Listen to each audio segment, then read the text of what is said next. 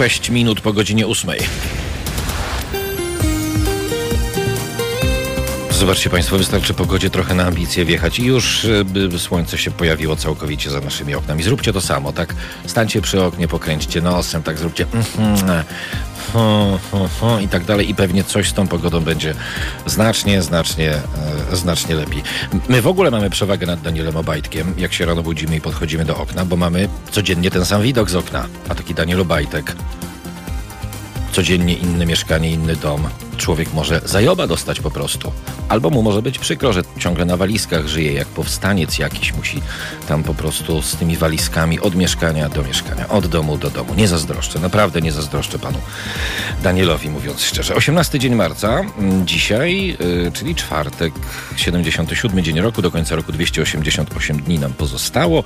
Imieniny obchodzą Bogu, Boguchwał, Boguchwała, Celestyna, Cyryl, Edward, Edwarda, Felix, Marta... Mm, no i tyle w zasadzie można by o tych imieninach powiedzieć. Najlepszego od nas wraz z tym słońcem. W Aruwie święto hymnu i flagi narodowej, w Nigerii Dzień Matki. E, a wydarzenia w Polsce?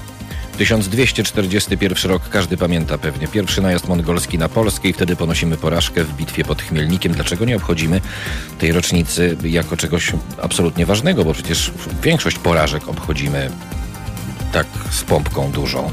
Proszę bardzo, 1596 rok. Król Zygmunt III Waza podjął decyzję o przeniesieniu stolicy z Krakowa do Warszawy, a jak wiadomo, to Kraków jest dawna stolica Polaków dla jasności.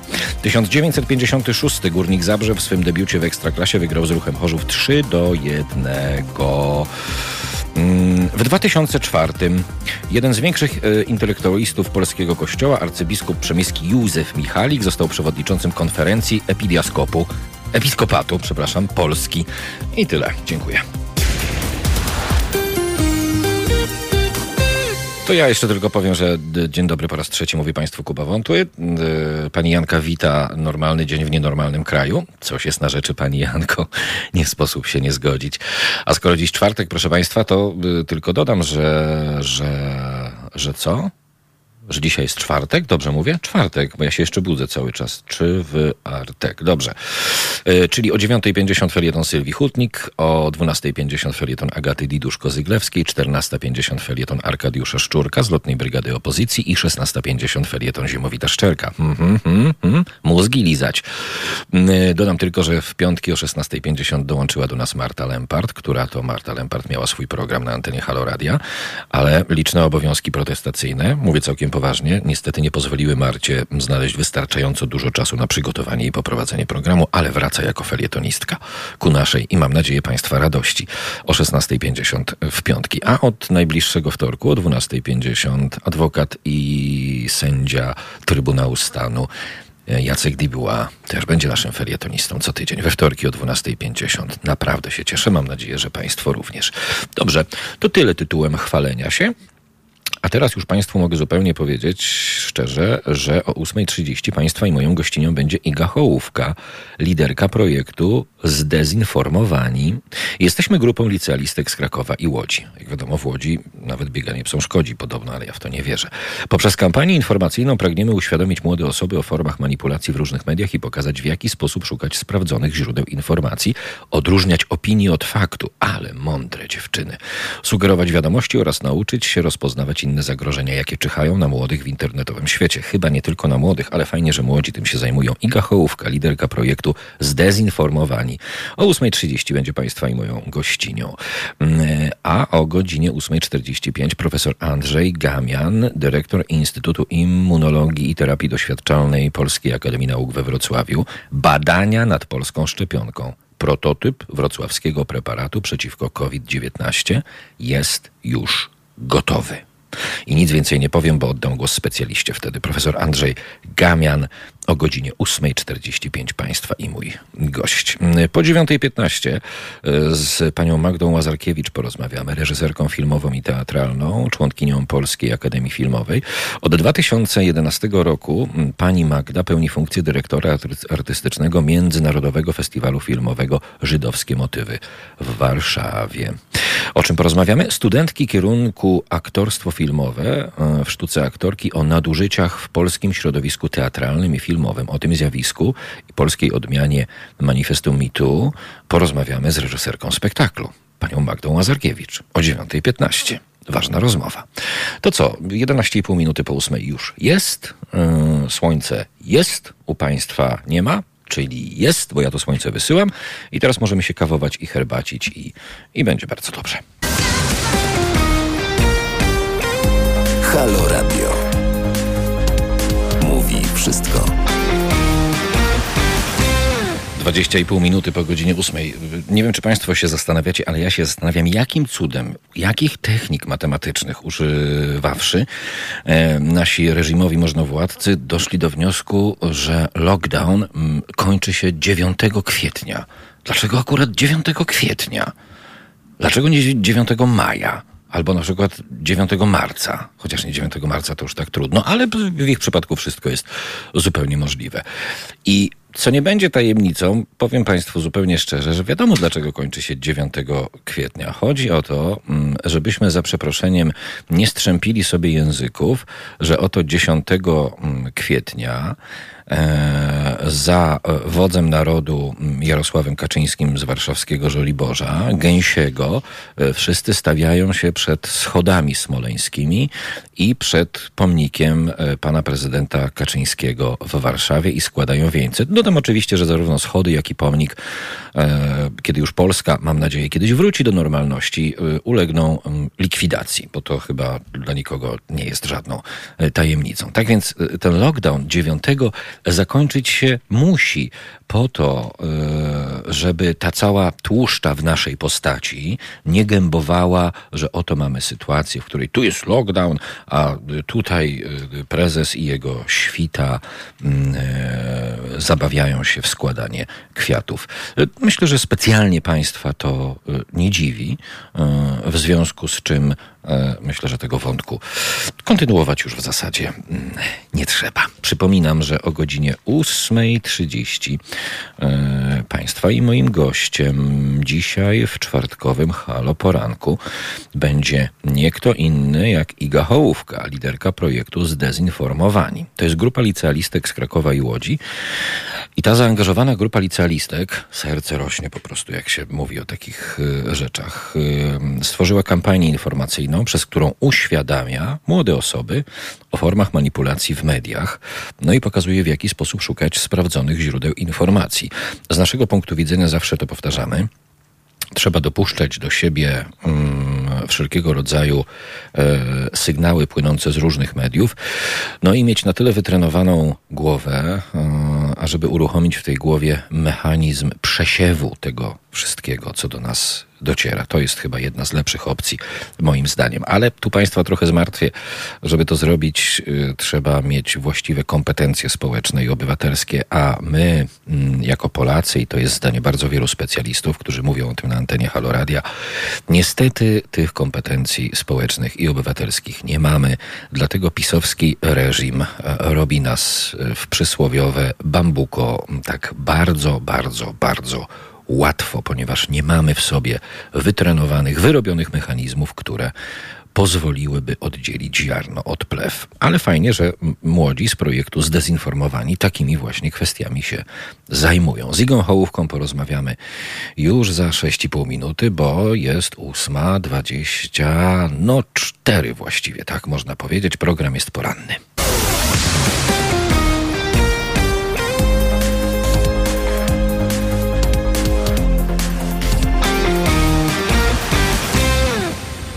29,5 minuty po godzinie 8. Szanowni Państwo, każdego miesiąca słucha nas od 300 do 400 tysięcy z Was. Jeśli połowa z Was zechce przesyłać nam raz w miesiącu na przykład 10 zł, to będziemy nie tylko nadawać, ale cały czas się rozwijać. Nie potrzebujemy wielkich pieniędzy, mimo że pełnimy rolę radia publicznego. Potrzebujemy tyle, by spokojnie pracować na rzecz społeczeństwa obywatelskiego, by pozostać bezstronnymi i niezależnymi zarówno od władzy, jak i opozycji. No i wreszcie, by gromadzić wokół siebie takie takich ludzi jak wy, ludzi myślących, którzy nie zakochują się bezkrytycznie w politykach opozycji, a wymagają od nich konkretnych pomysłów na Polskę i na to, jak będzie ona wyglądać, gdy antyspołeczny reżim przegra wreszcie wybory. Wszelkie informacje na temat możliwości wspierania Haloradia, w tym płatności elektronicznych i zwykłych przelewów bankowych, znajdziecie Państwo na stronie www.halo.radio. Polecamy też nasze konto na zrzutka.pl ukośnik Halo Radio. Pięknie i serdecznie dziękujemy. No to już mamy minutę po wpół do dziewiątej i zgodnie z umową Państwa i moją gościnią jest Iga Hołówka. Dzień dobry Igo. Dzień dobry. Witam serdecznie. Jesteście grupą licealistek z Krakowa i Łodzi. Poprzez kampanię informacyjną chcecie uświadamiać młode osoby o formach manipulacji w różnych mediach i pokazać, w jaki sposób szukać sprawdzonych źródeł informacji. Skąd w ogóle ten pomysł, zapytam najpierw?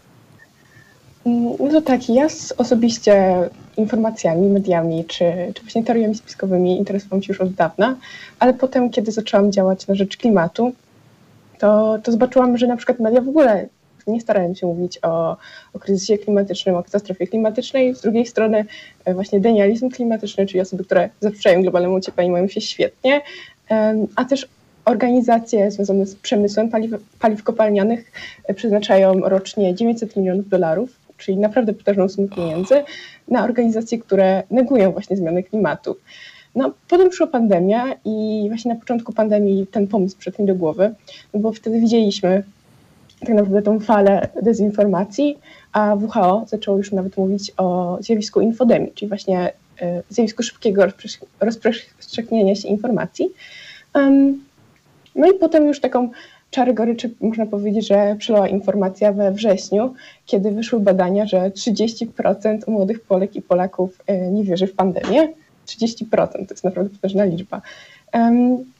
Na kilka dni przed, e, przed wystartowaniem samego projektu miał miejsce atak na Kapitol, który już e, dokładnie pokazał nam, do czego dezinformacja, fake newsy są w stanie doprowadzić, że tak naprawdę są zagrożeniem dla demokracji. Igo, a powiedz mi, y, jeśli już y, wspomnieliśmy o Kapitolu, a do czego twoim zdaniem fake newsy y, w Polsce, biorąc pod uwagę tak dalece posuniętą polaryzację w społeczeństwie i w mediach, mogą doprowadzić?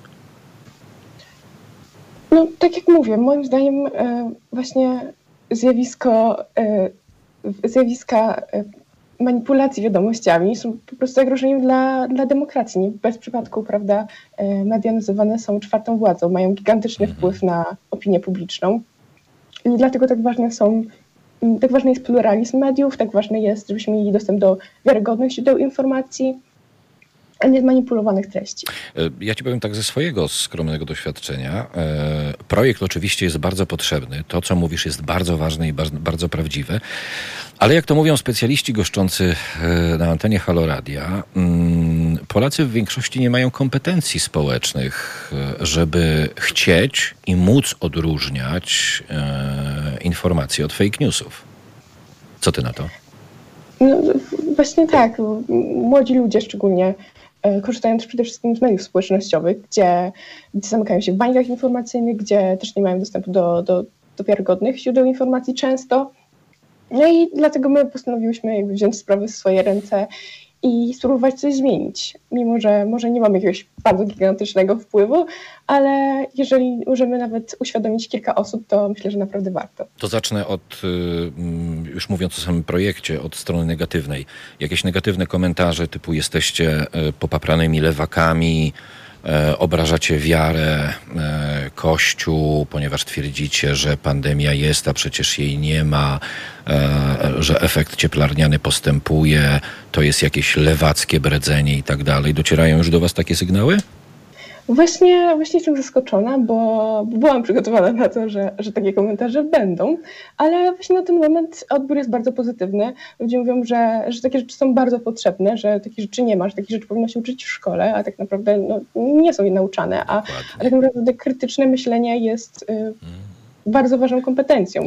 Staje to... się taką kompetencją, przepraszam, staje kompetencją przyszłości. To powiedz mi, czemu coś, co jest fundamentem odróżniania informacji od fake newsa, co jest fundamentem świadomego na przykład wyboru tej lub innej partii w wyborach, a nie zakochiwania się w politykach. Czemu to krytyczne myślenie, nabywanie tego typu kompetencji w ogóle nie funkcjonuje w polskim systemie edukacji?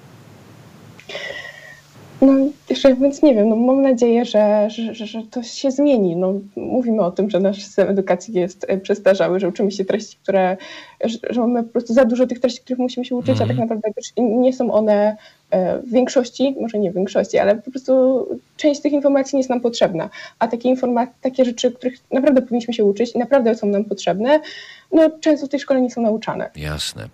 Igor, opowiedz teraz o samym projekcie, bo tak powiedzieliśmy o otoczce, wprowadzenie. Jak wygląda sam projekt? Y, z czym to się je? Dobrze, no to my przede wszystkim staramy się dotrzeć do młodych osób e, poprzez media społecznościowe, szczególnie też działam na Instagramie, bo tam jest najwięcej, e, najwięcej młodych osób i tam staramy się w dość łatwy sposób poprzez na przykład infografiki, które które jakby przez, przez nie łatwiej dotrzeć do młodych osób niż taki tek tekstu z pewnymi informacjami. Tutaj mówimy głównie o pojęciach i jak można na przykład, y, czym są teorie spiskowe, jak działają, jak można im e, przeciwdziałać, można się przed nimi bronić.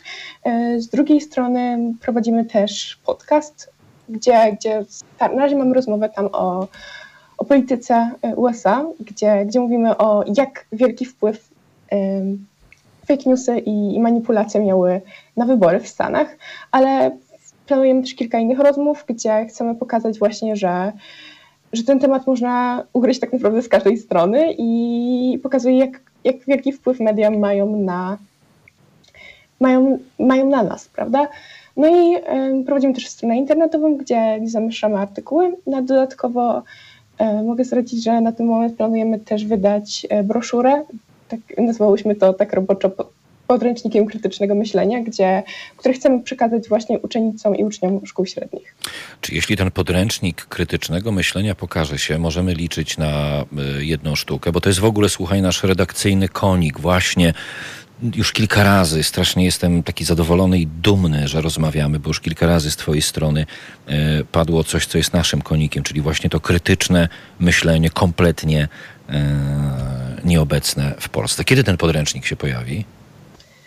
Tak naprawdę już tekst jest, wersja tekstowa jest skończona. Teraz chcemy, e, chcemy żeby te treści były sprawdzone przez specjalistki, specjalistów, żebyśmy na pewno wiedziały, że to, co nam się ukaże, będzie, będzie wartościową treścią. E, no i teraz również e, planujemy na, również teraz zajmujemy się wersją graficzną, ponieważ zależy nam, żeby przepraszam, zależy nam, żeby te treści były, e, były w dość łatwy sposób przyswajalne.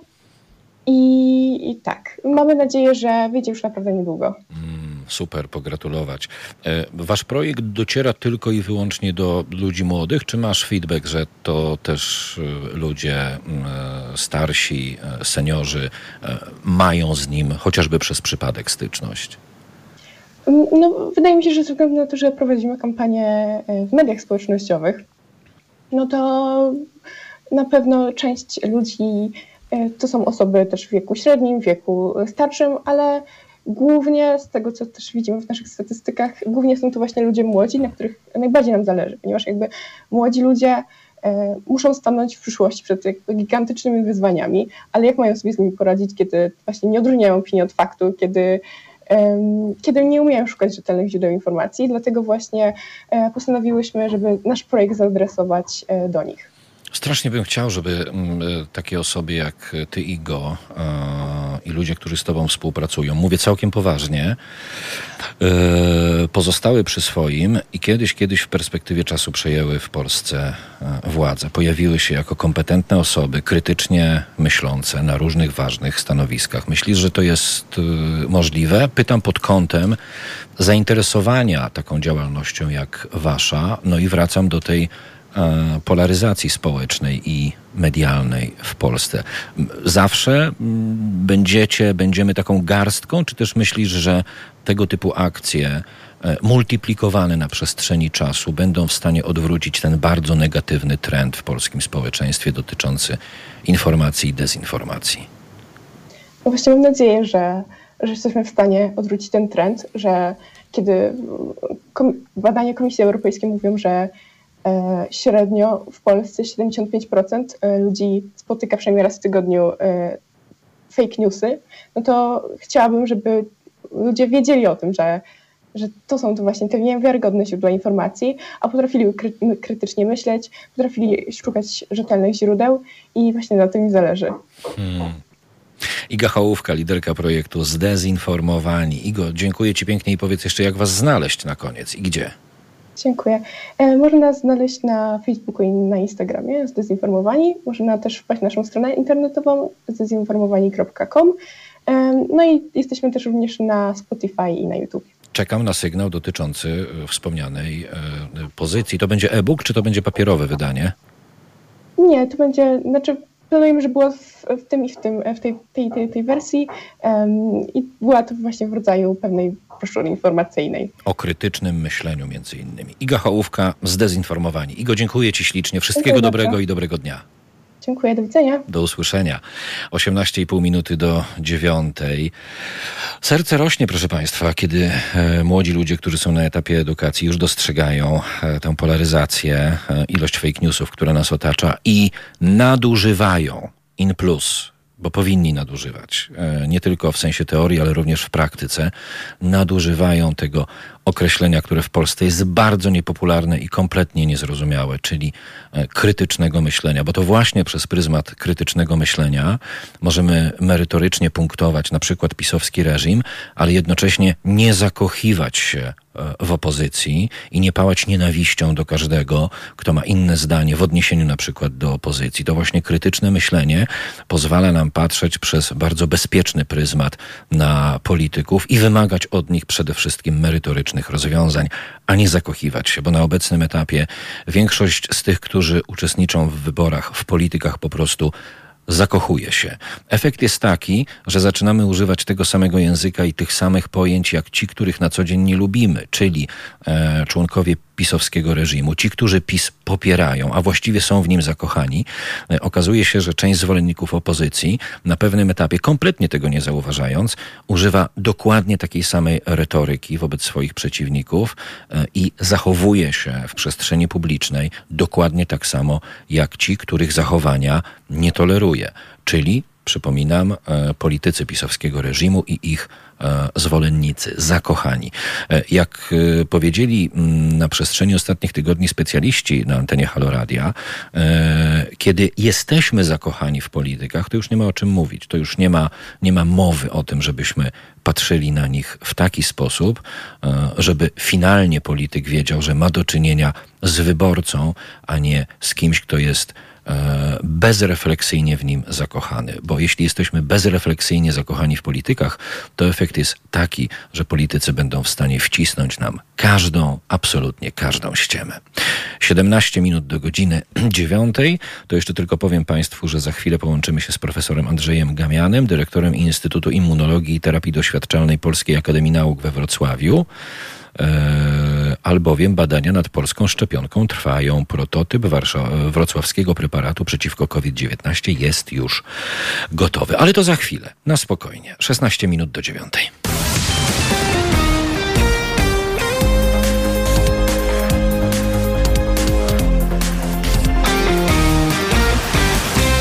12 minut do godziny 9 Państwa i moim gościem jest pan profesor Andrzej Gamian, dyrektor Instytutu Immunologii i Terapii Doświadczalnej Polskiej Akademii Nauk we Wrocławiu. Dzień dobry panie profesorze. Dzień dobry panie doktorze, dzień dobry państwu. Panie profesorze, zanim przejdziemy do tej mnie osobiście bardzo cieszącej informacji, jaką jest informacja o prototypie wrocławskiego preparatu przeciwko COVID-19, to najpierw zapytam e, tak krótko, jaki jest pana stosunek do sytuacji, w której kraje wstrzymują szczepienia preparatem AstraZeneca? No, y, moim zdaniem, nie tylko moim zdaniem, ale i e, wirusologów, epidemiologów, y, y, jest to, jest to taka, taka postawa troszkę zapobiegawcza. Skoro mają do wyboru już teraz państwa kilka różnych szczepionek, no to mogą wybierać i tych, tych, tych wyborów będzie więcej, tych możliwości wyboru. Okay. Także jeżeli się pojawiają jakieś głosy, no to wtedy taki, taki protekcyjnie y, można, można takie rzeczy ogłaszać. Natomiast według epidemiologów i lekarzy i zakaźników nie ma takiego, na takich obaw, żeby się bać przyjmować szczepionkę AstraZeneca. Czy w dobie e, lockdownu, który wprowadzamy i masakrycznej zwyżki osób e, zarażonych, e, takie wstrzymanie szczepień nie zaowocuje tym, że mm, tych zarażonych będzie jeszcze więcej? Właśnie o to chodzi, że, że nie jest korzystne wstrzymywanie szczepień, dlatego że większa, większa liczba ludzi zaszczepionych jest y, uodporniona i wtedy y, jest mniejszy transfer, mniejsze przenoszenie zarazka wirusa wśród ludzi, wśród populacji i te, te, te szczepienia mają sens wtedy. wtedy. Mają sens wtedy, kiedy jest, kiedy jest ogólna, szeroka wyszczepialność. Okej. Okay. Panie profesorze, to przejdźmy w takim razie do tego prototypu wrocławskiego preparatu przeciwko COVID-19, bo on jest już ponoć gotowy. Co to znaczy gotowy, bo jak rozumiem, gotowość nie oznacza możliwości masowego użycia. E, tak, zgadza się. E, badania nad, nad, tym, nad tym wirusem, nad tym szczepionką dzięki grantowi z NCBR, Narodowego Centrum Badań i Rozwoju, są, zostały nieco troszkę wstrzymane ze względu na, na te mutacje.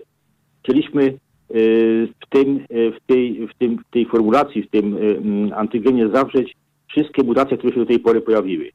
No, czekać na następny nie ma, nie ma sensu, stąd już przygotowaliśmy taki gotowy antygen do, do skonstruowania, my to mówimy konstrukt szczepionkowy, prawda, bo składa się z podjednostki E, jakiegoś e, białka czy jakiejś cząstki wirusa czy bakterii i to e, jest podawane wraz z, w jakiejś formulacji jako szczepionka. Także to jest taki, taki element pierwszy, który jest tyle tam zamknięty, można powiedzieć. Nasi słuchacze już widzę pytają, jeśli szczepionka okaże się właściwa, E, tak można powiedzieć, skuteczna, e, to jest jakiś e, pryzmat czasowy, w którym ona mogłaby rzeczywiście wejść do użytku? Tak dokładnie trudno powiedzieć, ale dlatego, że, że, że normalny, jeżeli nie mamy takiej sytuacji jak teraz, to, to badania nad szczepionką trwają wiele lat, łącznie z badaniami klinicznymi pierwszej, drugiej trzeciej fazy. E, teraz mamy e, pewne przyspieszenie e, i chcielibyśmy zrobić równolegle kilka różnych etapów zamiast, zamiast sekwencyjnie, prawda? Mhm. I, I stąd niektóre doświadczenia, zdobyliśmy przy, przy badaniach nad inną szczepionką, chcieliśmy również wykorzystać tutaj do, do tych celów. Oczywiście jest tak, że te badania będą trwały jeszcze później, wiele lat, dlatego że y, jest zmienność antygenowa y, y, i u bakterii, i u wirusów. I, i, I, naturalnie jest, że potrzeba okresowych modyfikacji szczepionki, jeżeli spada jej efektywność, prawda? Także tutaj też mamy pewne, w związku z tym, że jest to wirus mRNA, jest to wirus RNA, to te mutacje są dosyć, dosyć częste no i trzeba będzie y, je uwzględniać y, z czasem. E, dlatego, dlatego te badania będą kontynuowane w różnych aspektach y, no i później. Dobrze. Ale tak. Panie profesorze, ale proszę mi wybaczyć, bo ja nie jestem fachowcem, usiłuję za panem nadążyć. Mam nadzieję, że w jakimś stopniu mi się to e, e, udaje. Rozumiem, że wirus mutuje, rozumiem, że trzeba będzie aktualizować te szczepionki, tak. ale pana zdaniem, kiedy ten preparat wrocławski, e, w tym nawet trybie przyspieszonym obecnie, będzie mógł pojawić się na rynku? Ze szczepionkami jest tak, że, że powstają w laboratoriach e, badawczych, naukowych, gdzie się e, sprawdza e, efektywność, sprawdza się możliwość różnych antygenów jako, jako substraty do szczepionki. I później już ten etap jest, to następuje, następują badania na, na, na, na, na liniach komórkowych, później na zwierzętach, później już te badania wychodzą poza tego laboratorium. Walidacje i, i normy to już należy do, do, do takiego, do tej pracy nad prototypem. Stąd trudno określić, kiedy kiedy następne fazy będą podejmowane. My staramy się to przygotować i czynimy rozmowy z różnymi firmami przedsiębiorcami, żeby, żeby przystąpiły do, do, tych, do tych dalszych faz. Jeżeli mamy na przykład wynalazek jakiś, to tam jest takich siedem faz, siedem etapów komercjalizacji, wdrożenia. I, I, laboratorium to jest pierwsza. Drugi, drugi etap to jest walidacja i, i te normy. I później jeszcze mamy pięć kolejnych faz, które już zupełnie wykraczają poza laboratorium. Stąd, stąd e, tutaj jest podobnie. Jeżeli chodzi o leki i szczepionki, to musi być, muszą być te trzy fazy badań klinicznych one mogą być przyspieszone oczywiście. No ale, właśnie, bo, ale bo, mamy, bo mamy, ten, mamy ten tryb przyspieszony w przypadku innych e, preparatów, jak słusznie pan e, zauważył w pewnym momencie. E, więc jeśli nastąpi przyspieszenie prac nad wrocławskim preparatem, to pół roku, rok musimy na niego czekać pana zdaniem? Myślę, że tak. Rok to, to, jest, to jest minimum, żeby można powiedzieć, że bo to jeszcze te administracyjne takie y, kwestie, jak y, atesty, jak y, normy pewne ISO, które trzeba spełniać, spełnić, żeby przystąpić do ostatecznej fazy dopuszczeniowej, prawda? To, to musi być wszystko przejść przez, przez certyfikowane laboratoria i wtedy dopiero możemy złożyć taki wniosek o dopuszczenie do dalszych badań, do badań klinicznych, prawda? Jasne. Czyli te przedkliniczne badania są też bardzo żmudne i, i tam chodzi o, o, o toksyczność, o, bezpie, o takie bezpieczeństwo już formulacji, e, przed formulacją, po formulacji, postać leku, prawda? To, to jest wszystko, e, musi być, e, oczywiście, można to przyspieszyć, jeżeli będą odpowiednie środki, to, to tak, ale, ale musi, musi to przejść. I to trwa. Często te, te, te takie, takie administracyjne składniki są, są dosyć, dosyć takie pracochłonne i, i wymagają dodatkowych środków i czasu. Profesor Andrzej Gamian, dyrektor Instytutu Immunologii i Terapii Doświadczalnej Polskiej Akademii Nauk we Wrocławiu. Prototyp wrocławskiego preparatu przeciwko COVID-19 jest gotowy, ale to dopiero początek, nawet w tej warstwie przyspieszonej. Panie profesorze, pięknie dziękuję i mam nadzieję, że będziemy na przestrzeni czasu powracać do, do tej rozmowy i coraz więcej dobrych informacji będzie pan miał nam wszystkim do przekazania. Wszystkiego dobrego i dobrego dnia. Dziękuję bardzo panie doktorze, dziękuję państwu. Kłaniam się nisko. Do widzenia. do widzenia. Na zegarach 3 minuty do godziny 9, więc za chwilę halo wiadomości, a potem wracam do państwa w drugiej godzinie czwartkowego poranka.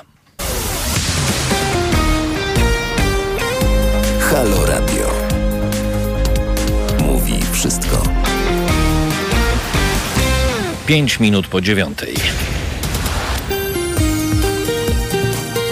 Dzień dobry Państwu w czwartek w drugiej godzinie czwartkowego Halo Poranka. Kuba Wątły od poniedziałku do piątku jestem z Wami od 8 do 9.45. A dzisiaj 18 dzień marca, 77 dzień roku. Do końca roku pozostało 288 dni. Imieniny obchodzą Aleksander, Boguchwał, Boguchwała, Celestyna, Cyryl, Edward, Krystian, Marta, Narcys i Trofim. Wszystkiego najlepszego od całej naszej załogi. W Arubie mm, święto hymnu i flagi narodowej, a w Nigerii Dzień Matki. E, patrzymy w kalendarz. Rok 1830 cesarz Rosji i król polski Mikołaj I przemianował na cześć brata Aleksandra I Królewski Uniwersytet Warszawski na Uniwersytet Królewsko-Aleksandrowski. Rok 1939. Po zajęciu przez armię węgierską Karpatę Ukrainy powstała granica polsko-węgierska. W roku 1954 Józef Cyrankiewicz został premierem. A w roku 1971 Telewizja Polska wyemitowała premierowy odcinek serialu Wakacje z duchami w reżyserii Stanisława Jędryki. Pamiętacie Państwo? Ja oczywiście tego roku nie pamiętam, ale serial jak najbardziej. Nie zasypiamy gruszek w popiele. Krzysztof Pawlak, lekarz rezydent medycyny rodzinnej, e, umieścił taki oto wpis e, na swoim Twitterze. Potworne statystyki na koniec wczorajszego dnia. Jesteśmy na czwartym miejscu na świecie pod względem liczby nowych przypadków COVID-19 za Stanami, Francją i Indiami. Jesteśmy na drugim miejscu na świecie pod względem liczby zgonów. Więcej zgonów jest tylko w Stanach. I swój wpis zakończył e, stwierdzeniem to jakiś koszmar. Zauważcie Państwo, że gra się z nami w kotka i myszkę, to znaczy w ogóle o tych potwornych statystykach nikt nigdzie nie mówi, a tymczasem są osoby, są specjaliści, którzy odnoszą się do nich w sposób jednoznaczny. Kolejną taką osobą jest dr Sutkowski, który mówi tak, lockdown jest za miękki, ja widziałbym wojsko i policję na ulicach. Wirus zadecydował o tym, że wprowadzenie lockdownu było w mojej ocenie koniecznością, powiedział w rozmowie z Polską Agencją Prasową prezes warszawskich lekarzy rodzinnych dr Michał Sutkowski. Jego zdaniem pierwszy dzień obowiązywania mocniejszych restrykcji to dzień bliżej do normalności. No i tak jak y, Państwu powiedziałem y, przed chwilą, 25 tysięcy zakażeń zaraportowanych dzisiaj zrobiło na wszystkich wrażenie. Ja także nie spodziewałem się, że ta fala pandemii będzie aż tak wysoka. Lockdown stał się nieunikniony. Moim zdaniem jest być może nawet za miękki. Widziałbym wojsko i policję na ulicach. Nie dlatego, aby się znęcać nad ludźmi, ale nad wirusem. Trzeba go jak najszybciej wybić, aby wracać do normalności. Podkreślił w rozmowie z Polską Agencją prasową prezes warszawskich lekarzy rodzinnych dr Michał Sutkowski. Co na to większość mediów? Niewiele. Co na to politycy, mm, szczególnie reżimu? Absolutnie nic w tej sytuacji. Jak sami Państwo słyszeliście w Halo Wiadomościach, e, mówi się e, o biznesie, mówi premier, e, mówi się o restrykcjach, które będą niosły ograniczenia w działalności tej lub innej branży, a nie mówi, nie mówi się o sytuacji całościowo. E, specjaliści mm, jasno stwierdzają, że jeśli ten lockdown okaże się za miękki, a mm, jest wiele takich opinii, które mówią, że za miękki jest, to ten odsetek zakażeń e, i odsetek zgonów będzie tylko i wyłącznie rósł. E, I jeszcze raz podkreślam, że pośród tych wszystkich traumatycznych informacji mamy sytuację, w której lockdown zarządzony jest do 9 kwietnia, bo 10 jest kolejna pieprzona miesięcznica, podczas której pan prezes Kaczyński e, i jego dworzanie na kolanach, nie przed pomnikami, a przed nim, niosąc w zębach kwiaty, będą te kwiaty znowu w asyście policji i wojska składać pod schodami i pomnikiem Lecha Kaczyńskiego. Oba te pomniki w normalnej Polsce absolutnie od początku do końca do likwidacji i o tym chyba nie ma co e, rozmawiać. Tak więc zwróćcie Państwo uwagę, z jednej strony specjaliści biją na alarm, a z drugiej strony wprowadza się e, lockdown do 9 kwietnia, żeby 10 można było zupełnie spokojnie e, e, robić kolejny comiesięczny cyrk pod dwoma E, pomnikami w Warszawie. Na zegarach 10 minut po godzinie 9. Program jest czwartkowy i poranny. Już za kilka minut połączymy się z panią Magdą Łazarkiewicz, reżyserką filmową i teatralną. Porozmawiamy o zupełnie innej kwestii, bo życie nie zamiera. Miejmy nadzieję, że tak właśnie będzie. Studentki kierunku aktorstwo filmowe w sztuce aktorki o nadużyciach w polskim środowisku teatralnym i filmowym. O tym zjawisku i polskiej odmianie manifestu MeToo rozmawiamy za kilka minut właśnie z reżyserką spektaklu, panią Magdą Łazarkiewicz. Teraz małpahalo.radio. Państwa komentarze na YouTube, Facebooku i Mixcloudzie i przypominam, że już za kilka dni przechodzimy na kontakt SMS-owy. Specjalny numer e, w najtańszej możliwej taryfie, czyli złotówka za SMS-a, e, będzie e, wyłącznym środkiem kontaktu dla Państwa podczas programów na żywo. Zbieramy to wszystko w jedno miejsce, tak, żebyśmy mieli kontakt zarówno z tymi, którzy nas oglądają, ale przede wszystkim z tymi, którzy nas słuchają, bo tych, którzy nas słuchają, jest absolutnie, absolutnie miażdżąca większość. 11 minut po dziewiątej, program jest czwartkowy i poranny. Pani Magda Łazarkiewicz, reżyserka teatralna już za chwilę, a ja jeszcze szybko przypominam, że skoro dzisiaj czwartek, to już o 9.50 felieton Sylwii Hutnik, o 12.50 felieton Agaty Diduszko-Zyglewskiej, o 14.50 felieton Arkadiusza Szczurka z Lotnej Brygady Opozycji, a o 16.50 felieton Ziemowita Szczerka. Zostańcie Państwo z nami. Halo Radio mówi wszystko. Kwadrans i pół minuty po godzinie dziewiątej. Reżyserka filmowa i teatralna, członkini Polskiej Akademii Filmowej od roku 2011 pełni funkcję dyrektor artystycznej w Międzynarodowego Festiwalu Filmowego Żydowskie Motywy w Warszawie. Pani Magda Łazarkiewicz. Dzień dobry, witam serdecznie. Dzień dobry, witam serdecznie. Małe sprostowanie. No, Festiwal Żydowskie Motywy y, przeżywa okres hibernacji z powodu y, no, kłopotów y, w pozyskaniu wsparcia finansowego na zorganizowanie tej imprezy w czasie, w tym trudnym czasie, w którym tkwimy. Także mm, tutaj niestety nie mam dobrych wiadomości dla naszych słuchaczy. No i miejmy nadzieję, że z czasem to wszystko będzie się e, zmieniać. Dziękuję, że zechciała Pani poświęcić nam czas o poranku, Pani Magdo. Mm, studentki y, kierunku aktorstwo filmowe w sztuce aktorki o nadużyciach w polskim środowisku teatralnym i filmowym, czyli e, zjawisko i polska odmiana manifestu e, Me Too e, w ramach tego spektaklu, tej sztuki. Nie słyszała już pani, że ze strony swojego środowiska, że niepotrzebnie pani rusza tę sprawę, że niepotrzebnie wkładacie kij w mrowisko i tak dalej?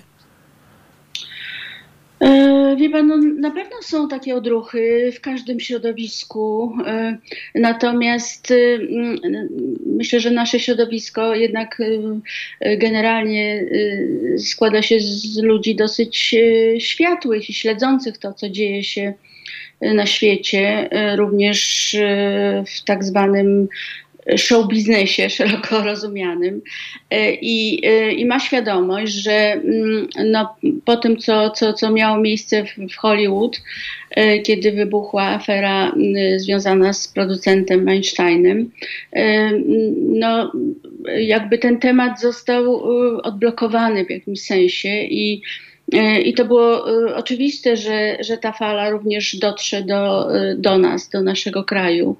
Mm, oczywiście realia są trochę inne i akurat jeżeli chodzi o, o środowisko filmowe, to muszę powiedzieć, że na razie tutaj stykamy się z, nie tyle ze zmową milczenia, co jakby nie wypłynęły jeszcze takie fakty które na pewno mają miejsce, nie mam co do tego złudzeń, ale y, y, jakoś o tym się nie mówi. Natomiast bardzo mocno ten temat zaistniał w środowisku y, teatralnym oraz związanym z, ze szkolnictwem artystycznym teatralnym.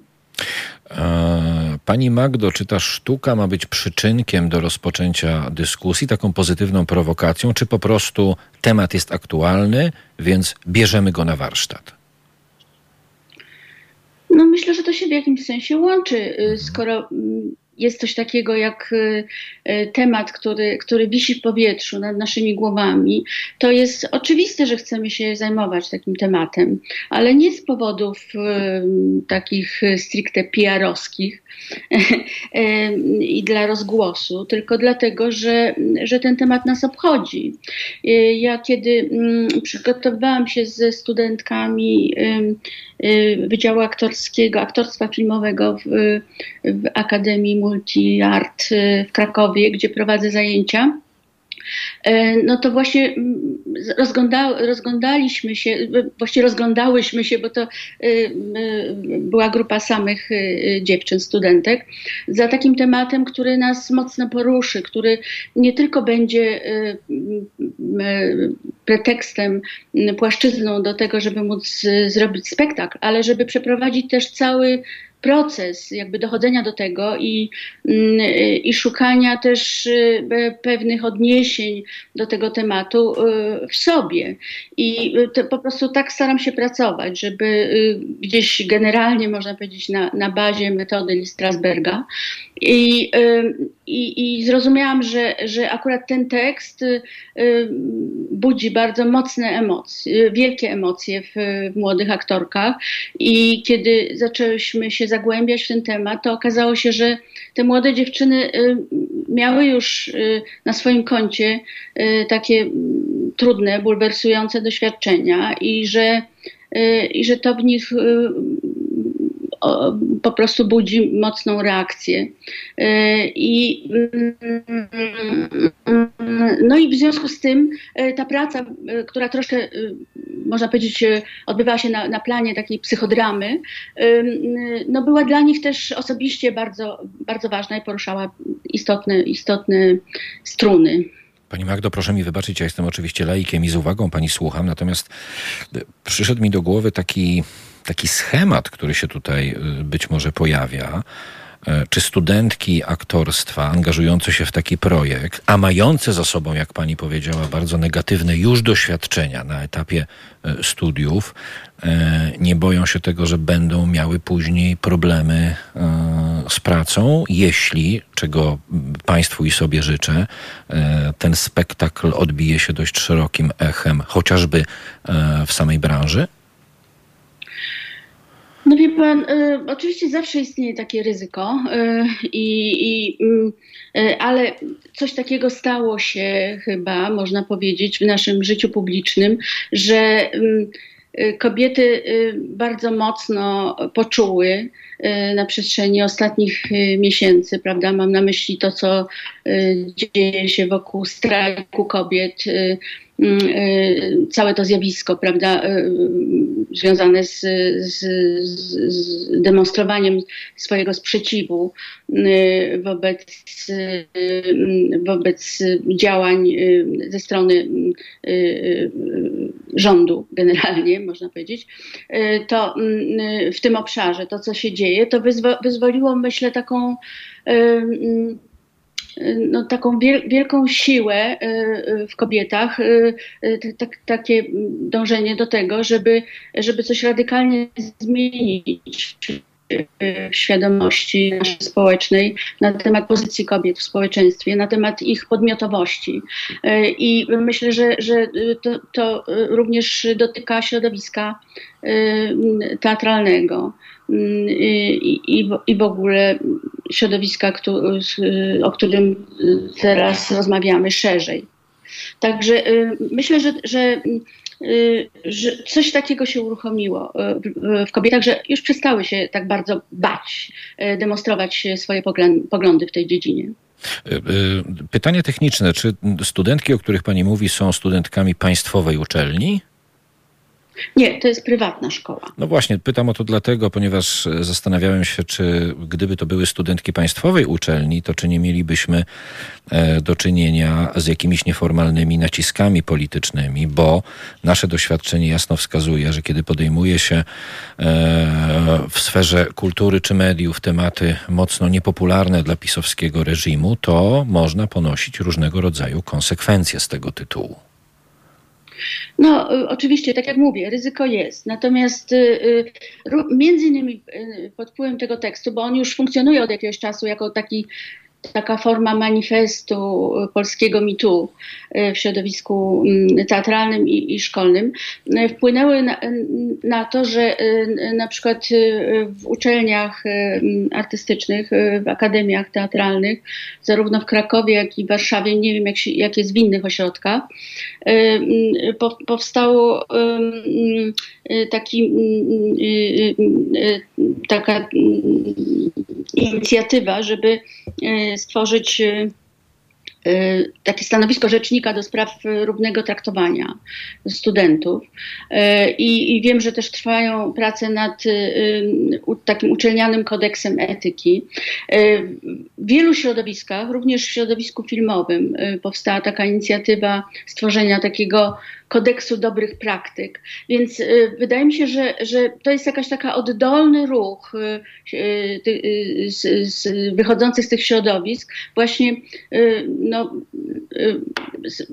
wychodzące na, naprzeciw tej potrzebie, żeby, żeby coś radykalnie zmienić y, w, w traktowaniu y, nie tylko młodych kobiet, ale w ogóle y, ludzi wchodzących w ten zawód, ponieważ tak się utarło, że że, że, że, często osoby, które stoją jakby na, na wierzchołku tej hierarchii, w przypadku teat realiów teatralnych to jest bardzo często reżyser, który ma duży dorobek i, i, i takie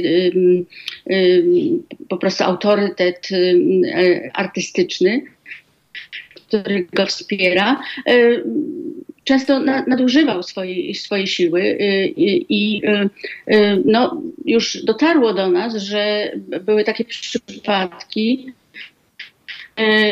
że zachowywał się w sposób, który nie tylko polegał na przekraczaniu granic, ale po prostu używał w swojej pracy no, takiej dosyć otwartej przemocy, ocierającej się czasem o mobbing albo molestowanie. Już te przykłady zostały jakby wyciągnięte spod dywanu na światło dzienne. Nie da się tego ukryć i trzeba o tym rozmawiać, bo to jest coś, co, co jest pewnego rodzaju gangreną toczącą to środowisko. Pani Magdo, jak w dobie mm, pandemii COVID-u e, będzie można obejrzeć e, tę sztukę, ten spektakl? Czy będzie można obejrzeć? Czy to jest tylko działanie e, wewnątrz uczelniane?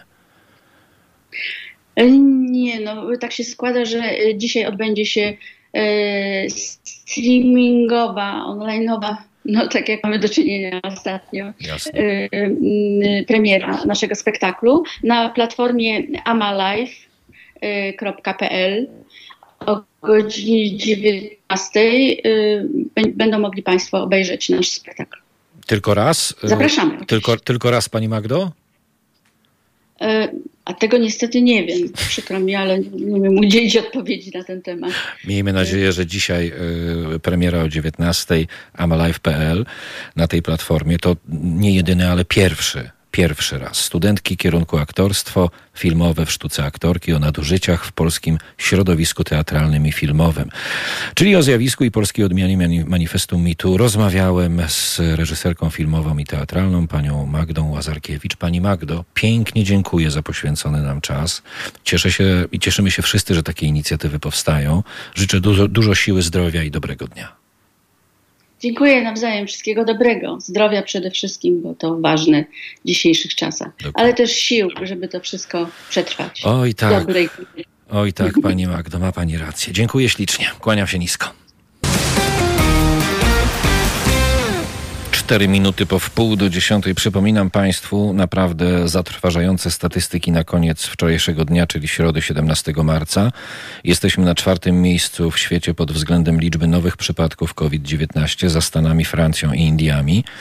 E, I co gorsza, jesteśmy na drugim miejscu na świecie pod względem liczby zgonów. Więcej jest tylko w Stanach Zjednoczonych. To jest dramat, o którym się właściwie nie mówi, o którym politycy e, pisowskiego reżimu właściwie nie mówią, skupiając się e, przede wszystkim na gospodarce, tak jakby od gospodarki zależało w tym momencie nasze zdrowie i życie, a nie zależy. Zależy od lockdownu, jego długości i skuteczności. Są tacy specjaliści, którzy twierdzą, że na ulicach powinno pojawić się wojsko i policja, bo ten lockdown powinien być ścisły. Nawet gdyby tak się zdarzyło, to pytanie, e, czy nie zdarzy się to za późno. Państwo piszecie, szamani ogłosili, że 9 kwietnia będzie odtrąbiony sukces i zakażenia spadną do jakichś 8 tysięcy. Po prostu zmniejszy się liczbę testów. 10 kwietnia znowu będzie można swobodnie świętować. A dodatkowo jeszcze pani Kamila dodaje, a po kolejnym cyrku, czytaj rocznicy smoleńskiej, wprowadzą kolejny lockdown. I wtedy cały na biało wyjdzie premier Mateusz Morawiecki i powie mniej więcej tak. E, I powie mniej więcej tak. Ja cieszę się, że coraz mniej obawiamy się tego wirusa, tej epidemii. I to jest dobre podejście, Szanowni Państwo, bo on jest w odwrocie. Już teraz nie trzeba się jego bać. Drop it.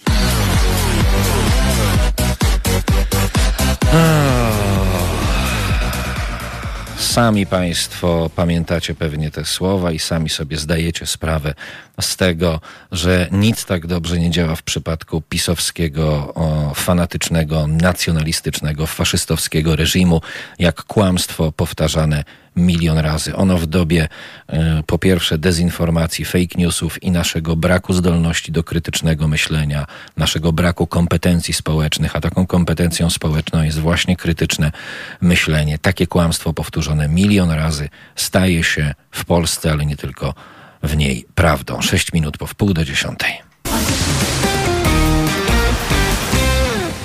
19 minut do godziny 10 kończymy powoli poranek, ale powoli. E, od godziny 10 późny poranek, a potem halodzień Paweł Cwalina, a kto u Pawła?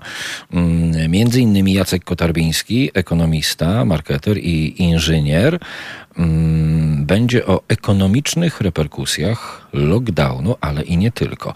Yy, także między 10 a 13 immunolog, ekspert Naczelnej Rady Lekarskiej, dr Paweł Grzesiowski. Kolejna dostawa 65 tysięcy szczepionek przeciwko COVID-19 firmy AstraZeneca planowana jest w piątek, a 210 tysięcy sztuk preparatu od Moderny ma dotrzeć w sobotę, poinformował PAP we wtorek prezes Rządowej Agencji Rezerw Strategicznych Michał Kuczmierowski. Z doktorem Pawłem Grzesiowskim, immunologiem i ekspertem Rady Lekarskiej o konferencji prasowej na temat COVID-19, tej najnowszej i co z niej e, wynika. Mm Mirosław Oczkoś, doktor, specjalista od marketingu politycznego.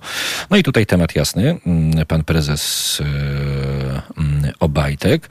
E, jeśli sędzia Igor Tuleja e, nie będzie dzisiaj pod Sądem Najwyższym jeszcze pojmany, to najprawdopodobniej Paweł Cwalina także z naszym felietonistą, sędzią Igorem Tuleją zdąży się połączyć.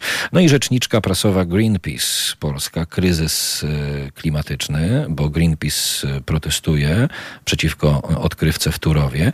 Pani Katarzyna Guzek również gościnią Pawła Cwaliny będzie. Ale to nie wszystko i nie wszyscy, proszę Państwa. Zostańcie e, z nami. Ja za dzisiaj dziękuję. 18 minut do godziny 10 pozostało. Michał program realizował, Karolina Słomczyńska program wydawała. To był czwartkowy poranek. Ja słyszę i widzę się z Państwem jutro e, o godzinie 8, a skoro 10 już nam się zbliża, to tylko i wyłącznie dodam, że dzisiaj czwartek, a więc felietonistki i felietoniści. O godzinie 9 50 felieton. Sylwii Hutnik, o 12.50 felieton. Agaty Diduszko-Zyglewskiej, o 14.50 felieton. Arkadiusza Szczurka z Lotnej Brygady Opozycji, o 16.50 felieton. Ziemowita Szczerka. Dziękuję Państwu pięknie za uwagę. Dobrego dnia, słonecznego w miarę. I pamiętajcie, że ta wiosna to jednak idzie. I pilnujcie się. Z COVID-em nie ma żartów w dalszym ciągu i najgorsze, co możemy zrobić, to przyzwyczaić się do niego. Zdrowia.